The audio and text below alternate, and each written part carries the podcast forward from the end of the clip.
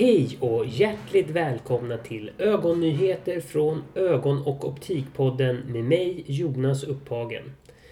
Influensen Kensa stäms av Konsumentombudsmannen, KO. Den 17 januari kunde man i flera medier läsa att Kensa-sviten stäms av Konsumentombudsmannen för brott mot marknadsföringslagen. Konsumentombudsmannen stämmer bloggaren och företagaren Kenza Suiten för brott mot marknadsföringslagen enligt ett pressmeddelande. Kenza Suiten har enligt Konsumentombudsmannen gjort en rad inlägg i sociala medier om solglasögon av ett visst märke. Men alla inlägg har inte varit markerade som samarbeten eller reklam.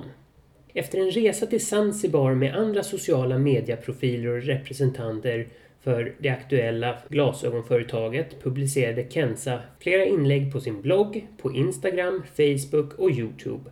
De första inläggen som publicerades saknades reklammarkering enligt Konsumentombudsmannen.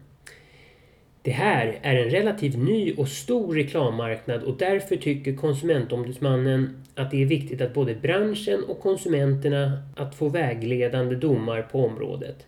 Det ska vara tydligt både för företag och följare vad som gäller, säger Gunnar Wikström, processråd vid Konsumentombudsmannen i en kommentar.